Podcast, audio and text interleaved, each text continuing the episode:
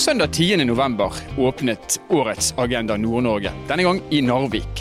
Her var nesten 500 ledere fra det private, fra det offentlige, politikere og også 100 ungdommer samla for å diskutere muligheter og utfordringer i Nord-Norge.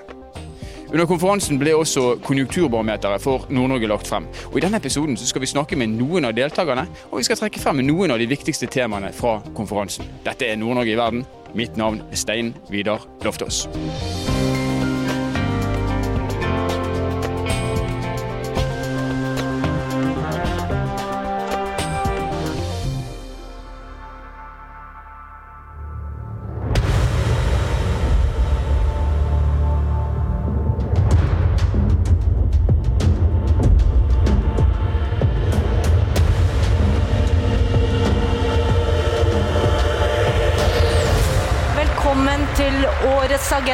Nord-Norge.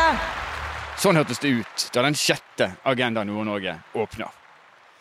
Siden oppstarten har konferansen vært holdt flere plasser i Nord-Norge. Man har vært i Tromsø, i Bodø, i Mo i Rana, i Svolvær og i Alta, og denne gangen altså i Narvik. Og Konferansen er et samarbeid mellom LO, NHO og Sparebank1 Nord-Norge. Og så kan man spørre er det behov for en sånn møteplass i 2019. I hvert fall så stilte vi det spørsmålet til direktøren i NHO Arktis, Målfrid Baik, og til LOs regionleder i Nordland, Rita Lekang. Og Jeg tror jeg starter med deg, eh, Målfrid. Hva er egentlig bakgrunnen for Agenda Nord-Norge? Bakgrunnen for Agenda Nord-Norge er noe som virkelig varmer mitt hjerte. Det betyr betydninga av at vi klarer å samle oss. Vi klarer å samle de gode krefter for å kunne møte både utfordringer, men komme med felles løsninger. For landsdelen Nord-Norge. For landsdelen Nord-Norge, det ligger jo selvfølgelig der som det tydelige ledestjernen. Og vi vet jo nå at det har vært for mange debatter om hva som skiller oss. Men dette med Agenda Nord-Norge, det viser at vi klarer å samle oss. For vi har store utfordringer, men vi vet også at vi har løsningene sammen. Så Her skal Nord-Norge samle seg og stå sammen og bli enige om det man skal stå sammen om. Men samtidig har vi valgt et tema. Identitet og økonomi er tema i år. Hva ligger til grunn for det valget? Jeg syns det er veldig spennende å knytte økonomi og identitet i lag, for det tenker vi ikke så mye om. Men vi vet likevel at økonomien påvirker hvordan vi eh, ønsker å være, men også våre valg. Samtidig som identitet også påvirker økonomien. Så det får oss til å samle oss i forhold til at verden møter oss, og vi møter verden. Og så tror jeg også at det å pirke litt innpå identitet spesielt, utfordrer oss. Sånn som i dag så hørte vi direktøren for FRI, som utfordra oss når det gjaldt fraflytting. Eller er det noen som rett og slett blir kasta ut av Nord-Norge? Og det gjør at vi har litt ansvar også. Ikke bare de som flytter fra som har ansvaret, men hvordan vi klarer både å ønske folk velkommen, og hvordan vi ønsker å få folk til å leve og bo her i nord. Rita, jeg må spørre deg, fordi at LO, Her står dere side ved side, LO og NHO. og det, Dere gjør jo det ofte, men man har jo ikke kanskje et inntrykk om at samarbeid er det som dere først og fremst driver med. Her som eiere så har dere valgt å stå skulder ved skulder. Hva er, hva er grunnen til det? Vi samarbeider om veldig, veldig mye. Så, og det å stå sammen med NHO her og sammen med Sparebanken, det handler jo om å skape vekst i Nord-Norge. Vi i LO er jo opptatt av næringsutvikling, vi er opptatt av å skape gode arbeidsplasser. Vi er opptatt av at folk skal trives og leve her i Nord-Norge. Og da må vi ha gode samarbeidspartnere, og det er så absolutt NHO og Sparebanken her. Det høres veldig bra ut, og det er jo en symbolikk i det når vi ønsker at Nord-Norge står sammen. så er jo det vel og bra da, at både LO og NHO kan eh, gå i front på det. Eh, nå er vi i Narvik. Og Tidligere har Agenda Nord-Norge vært i Mo i Rana, vi vært i Svolvær, i Tromsø, i Bodø og i Alta. Hva ligger bak denne tydelige strategien om å ambulere? Vi tenker jo at vi skal ta hele Nord-Norge i bruk. Altså, Vi skal bidra til at hotellene fylles i Narvik, i Svolvær, i Mo i Rana, på andre plasser enn bare i Tromsø og Bodø, selv om det også er plasser som vi skal være. Det å hente på en måte folk til en plass der de kanskje ikke er så veldig kjent, der de blir kjent med næringsliv, med folk, skaper seg nettverk. Det å være til stede ute i distriktene, det er jo en ting som er kjempeviktig. Så skal vi ikke forskuttere noe, men jeg, så vidt jeg vet, så vil vi i morgen få vite hvor Agenda Nord-Norge skal eh, holdes neste år. og Vi kommer til å vente, vi venter i spenning på det. Eh, når, når, menneskene som er her på konferansen reiser hjem etter disse to dagene, hva, hva, hva ønsker dere de, de da skal ha med seg tilbake? Hva skal de tenke på i det videre? Jeg ønsker at de selvfølgelig skal få ny kunnskap og innsikt og ny forståelse ut av de utfordringene som vi har framover. Og at man klarer å skaffe seg nytt nettverk. Snakke med folk som man eh, kanskje ikke har gjort før det å eh, bringe videre liksom, de ideene og den kunnskapen vi har hatt her. Og så at de skal glede seg til neste år. Målfri, har du noe å tilføye når det gjelder hva man skal sitte igjen med når man forlater Narvik for denne gang? I tillegg til det Rita sier, så håper jeg at dette her gir inspirasjon, at vi går fra ord til handling. For det er det vi trenger. Vi trenger å gjøre noen valg og noen grep fremover i nord, og jeg er sikker på at det får vi til. Hvordan vet vi Når kan vi si at uh, dette hadde effekt? Nå ser vi virkelig at folk har, uh, har tatt det til seg. Og, hvordan skal vi si at vi har lykkes? Når? Hvor tid? Nei, jeg tror at dette her med at eh, Agenda Nord-Norge også har konjunkturbarometer, eller Sparebanken Nord, som hele tida gir mer kunnskapsgrunnlag, gjør at jeg tror over tid så ser vi handling og effekt. Dette er på en måte møteplassen hvor vi snakker i lag, og hvor vi også ser hvem vi kan være i lag med når vi skal få det trøkket og handle i lag. Her møtes vi, her blir vi enige om eh, felles problemstillinger. Her har vi et felles kunnskapsgrunnlag. Det høres veldig bra ut. Tusen takk skal dere ha, Rita Lekanger fra LO og Målfri Bike fra NHO.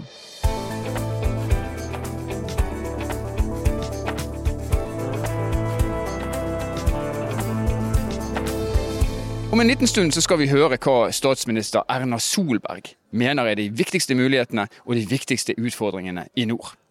Men først. Helt siden 1995 har Sparebank1 Nord-Norge lagt fram konjunkturbarometer for Nord-Norge årlig. Dette er en rapport som gjør opp en eh, slags status om Nord-Norge, og som ser litt inn i fremtiden, og ser spesielt på mulighetene som ligger inn i fremtiden. Vi tok oss en prat med konsernsjef i Sparebank1 Nord-Norge, Petter Høiseth, for å få hans perspektiver på årets konjunkturbarometer. Petter, hvordan var det å stå og snakke foran 459 mennesker her i Narvik? Du, det var, det var spennende, og jeg kjente at det var masse, masse energi i rommet. Jeg har lyst til å ta tak i noen av de eh, tingene som du trakk fram i ditt foredrag. Og Det ene det er jo dette med demografi. Eh, du sier at eh, vi har nedadgående tall i Nord-Norge.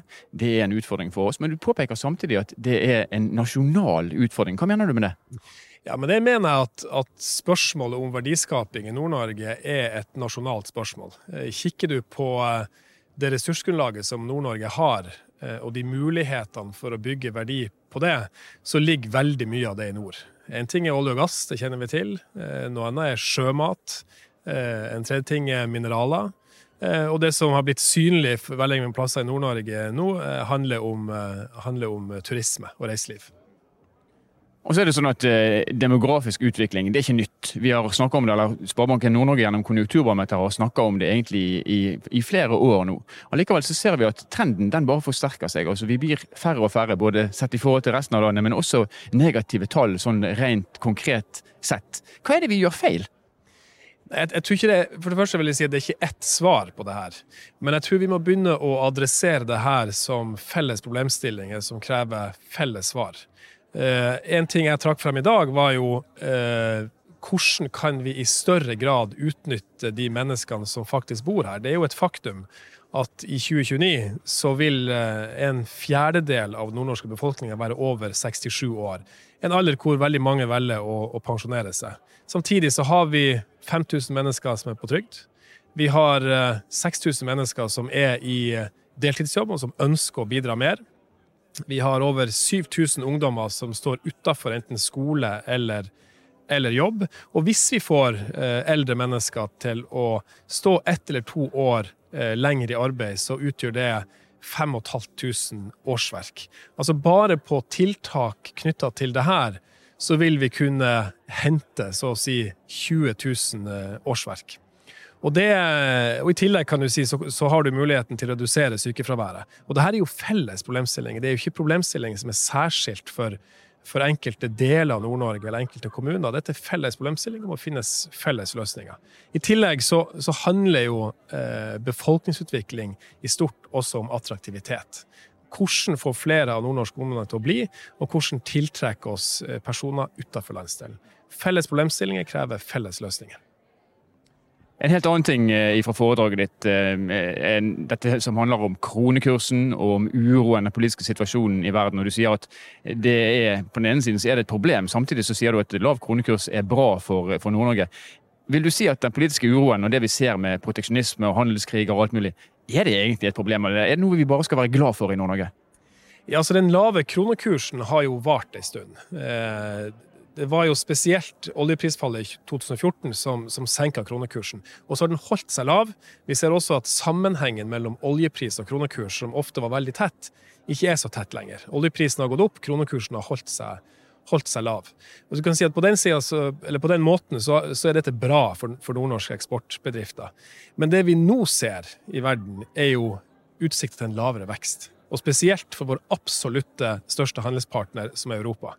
Og med en lavere vekst så kommer det lavere kjøpekraft. Og ja, vi har fremdeles eh, drahjelp av lav kronekurs, men når kjøpekraften går ned, så vil dette også kunne påvirke nordnorske eksportbedrifter.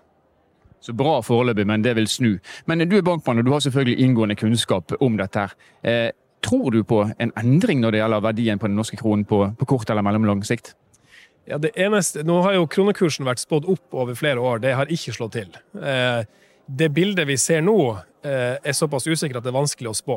Men mitt tips er at vi ikke vil se en betydelig eh, styrking av krona i, det året som kommer. Og så får vi se hvordan både verden og norsk økonomi utvikler seg deretter. Men det kommende året så, så tror vi på en, en fortsatt lav kronekurs. Ehm, et annet tema du var innom i foredraget ditt, og som også er løfta frem i konjunkturbarometeret og i pressemeldingen eh, så jeg i dag, det er dette med bærekraft. Og Bærekraft er høyt på agendaen i Sparebanken Nord-Norge. Samtidig så sier du at klimaendringene det gir også noen nye muligheter, bl.a. Eh, isfri nordøstpassasje.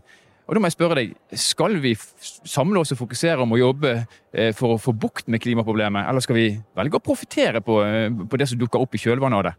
Vi skal definitivt jobbe for å bekjempe de klimaendringene som, eh, som vi som mennesker har satt i gang. Samtidig så skal vi eh, ta inn over oss at det skaper muligheter. En ting er transport, som du sier, i forhold til Nordøstpassasjen og det nordlige sjørute. Men det vil også fremtvinge seg nye forretningsmodeller og nye måter å gjøre ting på. Der tror jeg Nord-Norge kan gå i front. Jeg tror eh, kunnskap bygd i Arktisk kan få betydning langt utenfor denne regionen her.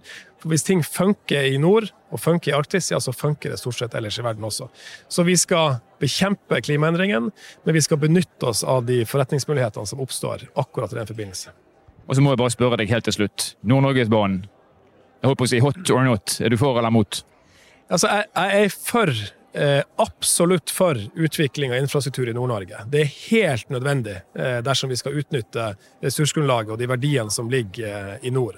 Og I den forbindelse så må vi også tørre å snakke om bane. Så sier jeg ikke dermed at vi skal binde Nord-Norge sammen med jernbane, men det er definitivt et tema som vi bør se på i ulike deler av, av regionen. Tusen takk skal du ha, konsernsjef Petter Høyseth.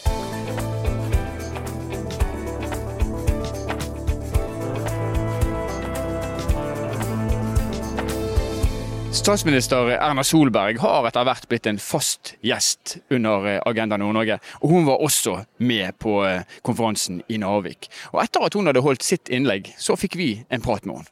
Da står vi her med selveste statsminister Erna Solberg, og jeg må jo bare si for min egen del at jeg er veldig glad for endelig å få intervjue en som faktisk forstår min dialekt.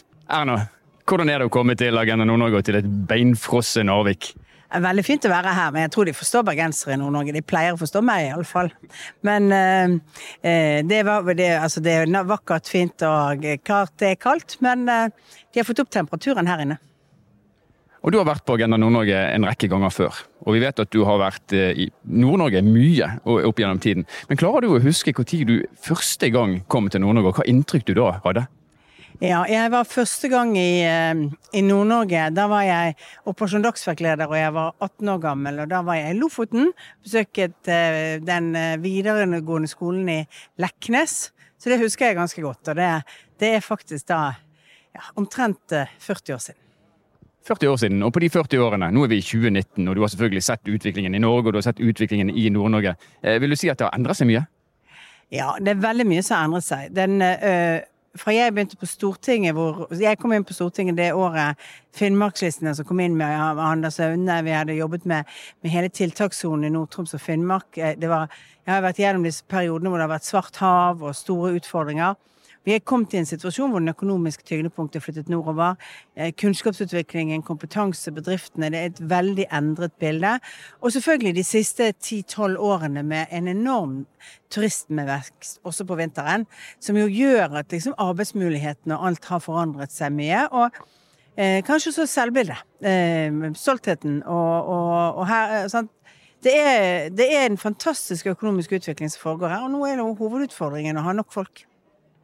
Hvis jeg spør deg, Du sier at selvtilliten har endret seg. Hvis jeg spør deg, Hva syns du er det aller beste med, med Nord-Norge og nordlendingene? Og hva er det som irriterer deg mest, om jeg kan si det sånn? Altså Som bergenser så liker jeg folk som er direkte og sier det de mener, ikke bare kommer med skjulte hentydninger. Og det får du jo nok av i, i Nord-Norge. Direkte meninger. Um, uh, nei, og så syns jeg jo at uh, Jeg syns det er mye spennende som skjer her. Det jeg ofte syns har vært litt krevende, er jo er at man ofte forventer at, uh, at, man hadde en tone, og jeg tror kanskje det avspilte litt i dette ungdomspanelet vi har hørt der inne, liksom om at istedenfor å komme med ideene og forslagene, så forventer man at andre skulle komme. Det var en politisk debatt, men den har forandret seg veldig.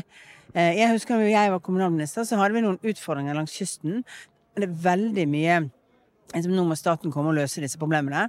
I dag opplever jeg faktisk et Nord-Norge som er blitt veldig mye mer sånn disse problemene klarer vi å løse selv. Vi har en helt annen basis for å gjøre det. Interessant eh, å høre det perspektivet. Og Agenda Nord-Norge har jo som eh, kan du si, eh, sin oppgave å samle de sterke stemmene i Nord-Norge, bli enige om hva som er de felles problemstillingene, og så finne løsninger på, på, disse problemstillingene. Og Du reiser mye rundt i regionen i Norge. Ser du noe sted i Norge der de er spesielt flinke til å få til denne formen for samarbeid, som vi kan lære av? Eh, altså, der er rivalisering i alle deler av landet. Der er rivaliseringer mellom Lillehammer og Hamar og Gjøvik i Innlandet. Der er litt rivalisering mellom Bergen og Stavanger på oppgaver. Men jeg tror kanskje at av og til så klarer man å samle seg om Kanskje fordi man er større steder med flere steder, om å arbeidsdele litt. Og at det er litt mer krevende på en måte nå, fordi det er tynnere, eh, mindre kommuner eh, og litt, eh, litt, vanskeligere. Men samtidig så syns jeg faktisk at det ikke er så verst samarbeid heller. Det er kanskje litt knuffing mellom Bodø og Tromsø.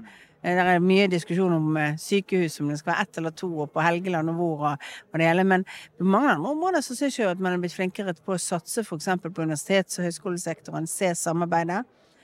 Og så ser vi jo f.eks. når vi ser på Universitetet i Tromsø, at det, det at uh, Høgskolen i, i, Alta gikk inn i Universitetet i Tromsø, at det arktiske universitetet ble etablert, det har også gitt bedre utdanningstilbud i Finnmark. Så av og til er man litt redd for uh, konsekvenser som man, man, bekymrer seg for sentralisering som ikke er nødvendig. For det kan være at du nettopp klarer å bygge ut f.eks. flere steder. Og så var du inne på i, eh, i foredraget ditt at den økonomiske veksten har vært svært sterk i Nord-Norge, kanskje spesielt etter eh, finanskrisen. Og så vet vi at eh, sterke stemmer i nord de sier at potensialet i Nord-Norge det er betydelig mye høyere enn, det vi har sett til nå. Og Dersom det legges til rette for god infrastruktur f.eks., så vil, eh, vil, man kunne levere enda mer penger til, til, AS Norge. Hvor sterk er viljen til å investere i infrastruktur i nord fra, fra din regjerings side? Den har jo vært sterk. Vi har jo eh, faktisk For det første er viljen vår til å investere i infrastruktur veldig høy. Vi har jo økt statsbudsjettene for samferdselssatsing med 80% Det er liksom på så kort tid det er aldri noen som har hatt en sånn satsing på noe område som er så sterkt som dette. Eh, og det, det, det betyr at vi realiserer samferdsel i hele landet. Men vi vet at vi skal bygge større og bredere bo- og arbeidsmarkedsregioner. Folk som kan ha to jobber i et, og likevel bo sammen. Ja, så trenger du å ha har den typen løsninger som, som, gjør at du kan reise raskere. Så på alle de områdene så har vi hatt en høy prioritering. Så er det klart at mange vil synes at det tar lang tid, for planleggingshorisonten på store prosjekter tar sin tid. Uh, og, og, det er noen veldig store og dyre prosjekter. Men f.eks. E6 nå er nå bygges det jo ut både i Finnmark og har vært bygget mye i Nordland. Men det er Kvænangsfjellet. Det er mange av disse løsningene som gjør at E6 blir fungerende godt som hovedåren i, i, i landsdelen. Og så må vi ha tilførselsveiene inn til E6 også, som skal bli enda bedre. Og da er jo jeg opptatt av at vi også skal få i gang Hålogalandsveien her.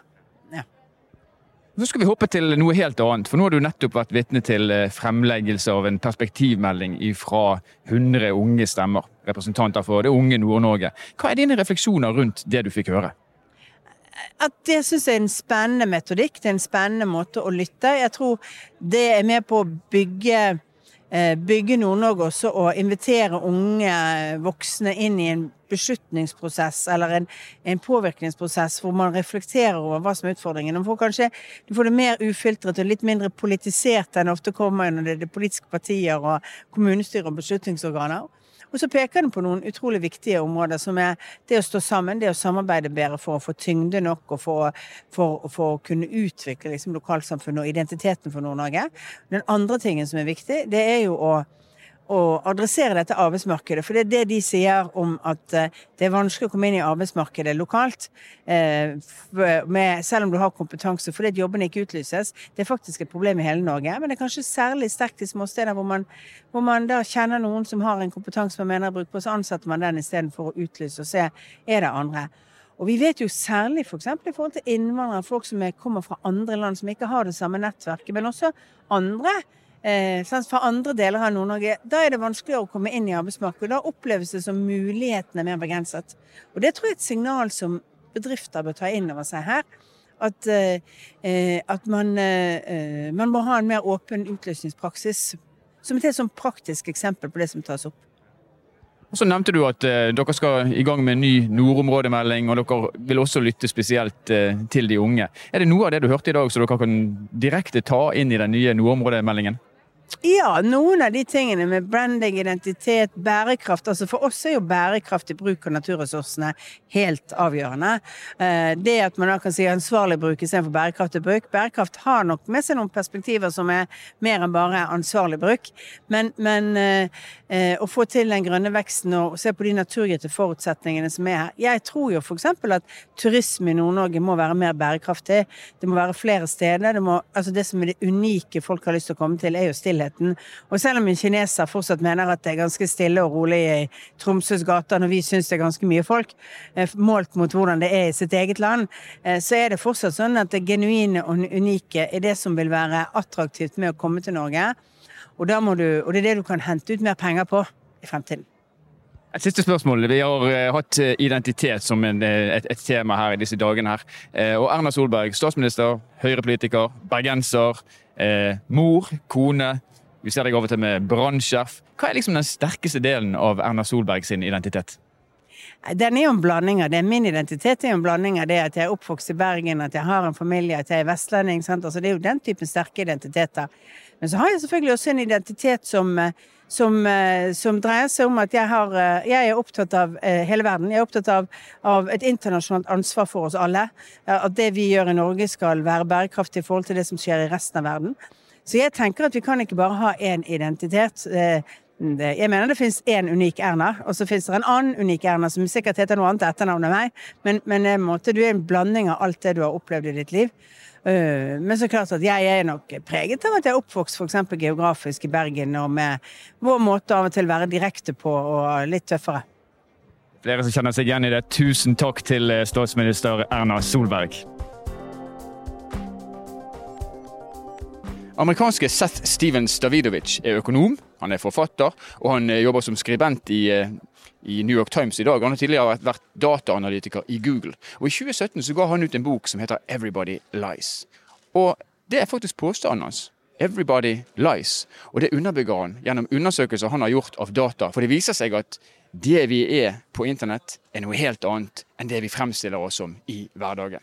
Han var også eh, til stede under årets Agenda Nord-Norge for å snakke om data, spesielt da for Nord-Norge. Og vi møtte han rett etter han gikk av scenen. You tell us that people pretend to be something they are not. And how can you be so sure about that? So I think uh, when you kind of compare what people say, for example, in surveys to what they actually do, frequently it doesn't correspond at all. So people say they're going to vote, then they don't actually vote. Or people say uh, they're they're not racist, and then you see all these racist things take place. So over and over again, you see that people kind of aren't uh, being honest. But I think what the book also says is we now have a new way to understand people, and that's people's Google searches. So that's when people are really, really honest. That's when people open up in ways they're not going to otherwise open up. That's where they kind of confess their secrets, whether it's their secret racism or their secret mental health problems, their suicidal thoughts, all these really uh, topics that people, st- because of stigma, don't feel comfortable saying they open up to Google and tell Google these things. and it gets kind of a revolutionary insights into human beings that you wouldn't otherwise get. And do you think that people are aware of the fact that they are exposing themselves to to the internet?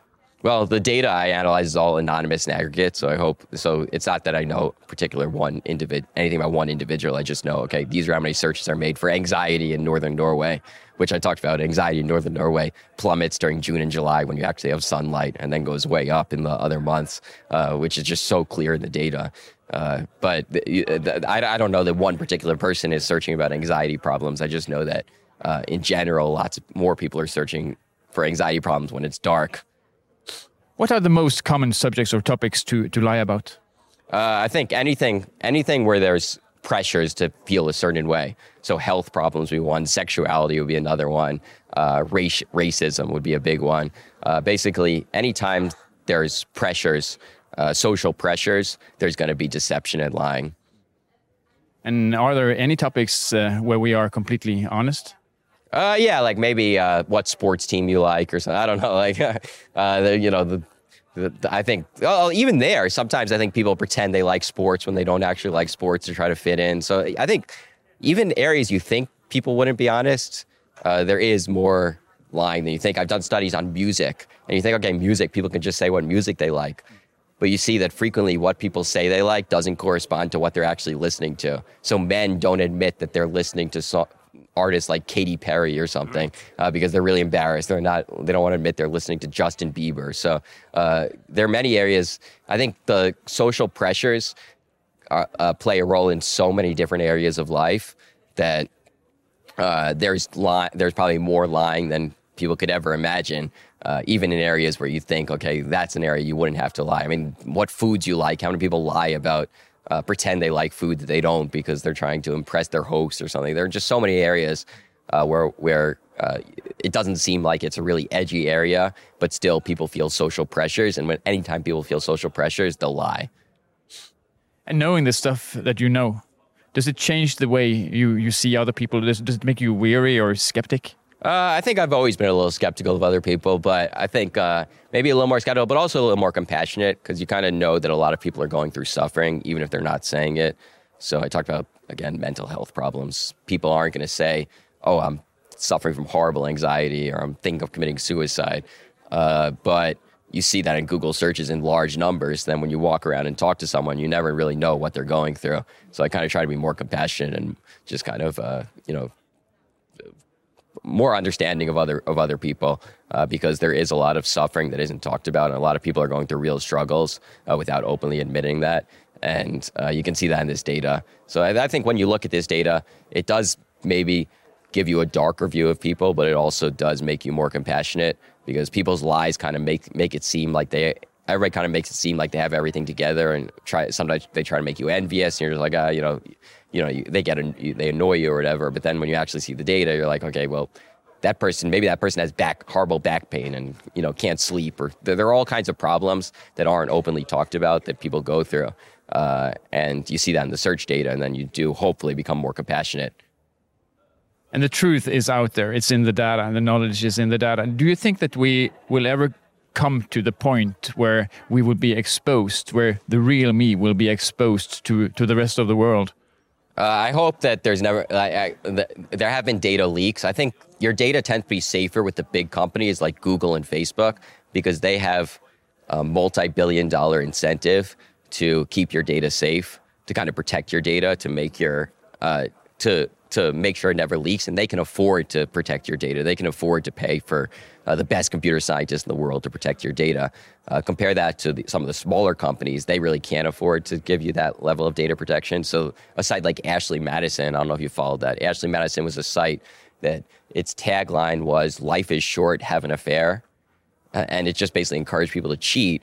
But it was a small company. It was, you know, it had, you know, few employees and you know millions of dollars of revenue, not billions or tens of billions of dollars of revenue, and they couldn't really pay for infrastructure to protect privacy. So one disgruntled employee just one day kind of leaked everybody's information who had signed up for the website, uh, which was humiliating to people who had signed up. They they were now leaked as joining a site that said "Life is short, have an affair," basically as cheating on your your spouse. Uh, and I think that's not it's not a coincidence that Google hasn't had their data leaked and Ashley Madison has, because again, Ashley Madison can't afford to protect the data the same way Google can. So I think you want to be more cautious on some of the smaller sites, uh, what you tell the smaller sites, because uh, the data leaks are more probable to come from those sites. Do you think this uh, this this data can be used in a good way? Could it be used to to change the way people uh, act, try to be somebody they are not? Yeah, so I've done a lot of research. I think so. so some of my original research was just kind of depressing. It's like, oh, there's all this secret racism, and there's all this secret suicidal ideation. There's all this secret uh, child abuse or people giving abortions themselves. I mean, there's just all these topics I cover in Everybody Lies, the book, about these issues. Uh, but I think ultimately the power of this data is we want to use this data to change the world. And I've, I've done studies or talked about other people's studies where they really have had more impact. There's one study, they've actually studied pancreatic cancer using searches. So they found that people, after they get a diagnosis of pancreatic cancer, they search something like just diagnosed with pancreatic cancer, what do I do? And then they actually followed the symptoms they made in the months and years leading up to that diagnosis. So, and they found subtle patterns of symptoms that suggest someone's going to get a diagnosis of pancreatic cancer. So, if someone searches indigestion followed by abdominal pain, that's a risk factor for pancreatic cancer. Abdominal fa- pain followed by indigestion, abdominal pain by itself, or indigestion by itself, those aren't as big risk factors. Uh, and that's a subtle pattern that could only be figured out by this search data. And the important thing about that study is pancreatic cancer, you can dramatically improve your odds of surviving if you find out earlier about uh, the potential disease. So uh, we could potentially use this information ultimately, maybe to save lives, to tell people, okay, you have a pattern of symptoms that suggest you might have pancreatic cancer. Uh, maybe you want to see a doctor, get a test, and then your survival rate may go up two or three threefold. Thank you so much, Seth Stevens, Davidovich, and have a safe trip home. Thank you so much. Thanks for having me.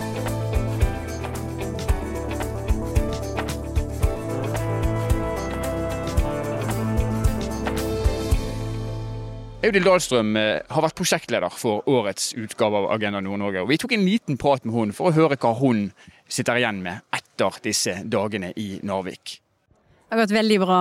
Det har vært utrolig inspirerende nettopp nå å se perspektivmeldingen fra de 100 stemmene 18 til 34 år som har lagt fram sin bestilling til samfunnet. Det har kanskje vært det mest kraftfulle på årets Agenda Nord-Norge. Men du, Agenda Nord-Norge baserer seg på kunnskap om Nord-Norge. eh, Felles kunnskapsgrunnlag. Og du er jo til vanlig redaktør på Kunnskapsbanken, altså kbnn.no. Og det er du som er ansvarlig for eh, konjunkturbarometeret som ble lagt eh, frem i går. Hvor langt er vi kommet i det å etablere et felles kunnskapsgrunnlag som er med basis i Nord-Norge? Ja, det er et veldig godt spørsmål. Det finnes en enorm mengde djup og god kunnskap i Nord-Norge om Nord-Norge. Eh, men vi har kanskje enda en litt vei å gå med å samle oss om den kunnskapen. Så kunnskapen finnes i fragmenter, i ulike deler, i ulike kunnskapsproduserende eh, organisasjoner og bedrifter. Eh, men det å samle det og tilgjengeliggjøre det for alle, og beslutningstakerne, studenter, det er utrolig viktig. Og det har jo Sparebank1 Nord-Norge gjort i mange år. Det var i 1995 at konjunkturbarometeret starta. Eh, Så vi har en god erfaring med å samle sammen kunnskap og legge det fram. Men den er jo konstant i utvikling. Kunnskap er jo et hjul som er organisk. Eh, Det utvikler seg hele veien, og den må hele tida være dynamisk. Det er ikke, eh, det er ikke en sementmur, men det er et telt. Du må flytte det, du må sette det opp, du må ta det ned. Du må være dynamisk, og du må agere ut ifra det som skjer i verden rundt oss, men òg det som skjer i Nord-Norge. Erna Solberg hun sa nettopp at neste år så kommer regjeringen med en ny nordområdemelding. og Den må jo selvfølgelig òg basere seg på kunnskap om nordområdene. Har du noen ambisjoner om å bli en eh, kunnskapsleverandør også til eh, miljøet i, eh, i Oslo? Absolutt. Konjunkturbarometeret for Nord-Norge har jo blitt brukt i sist nordområdemelding. Så jeg setter som en forutsetning at Konjunkturbarometeret for Nord-Norge er en veldig viktig aktør inn i den stemmen og inn i det arbeidet som de nå starter med. Så det er et eh, element på kbnn.no på Kunnskapsbanken som jeg vet du er veldig begeistra for. Noe du kaller for telleren. Kan du gi oss eh, en sånn eh, kortversjon av hva telleren egentlig er, og hva den kan gi? Ja, jeg er veldig opptatt av at folk skal få tilgang til kunnskap.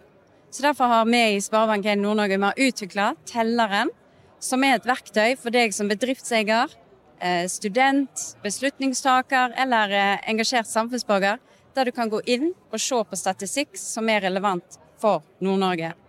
Eh, da kan du se på statistikk i forhold til reiseliv f.eks., demografi.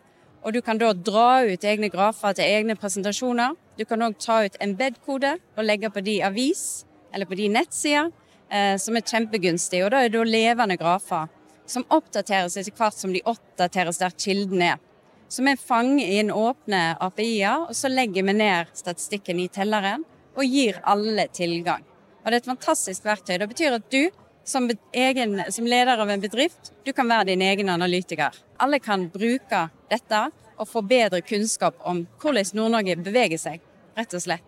Så finnes det i tillegg til telleren en rekke rapporter om eh, en rekke tema.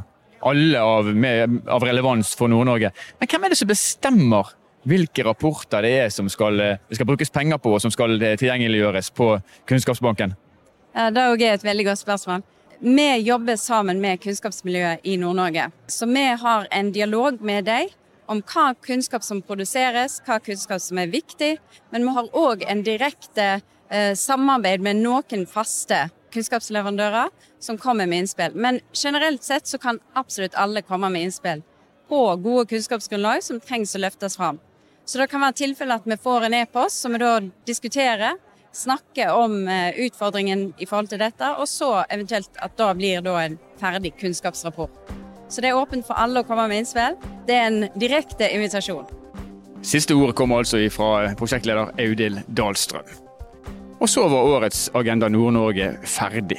Hvis vi sammenligner eh, årets utgave av konferansen med tidligere års utgave, så bar det preg av eh, et litt sterkere ønske av å gå fra ord til handling.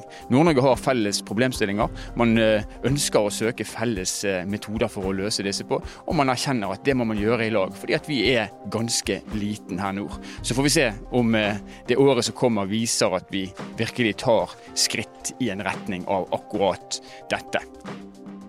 Nord-Norge i verden er produsert av Sparebank1 Nord-Norge i samarbeid med Helt Digital. Musikken du har hørt er laget av Emil Karlsen. Mitt navn er Stein Vidar Loftaas, og vi høres i neste episode.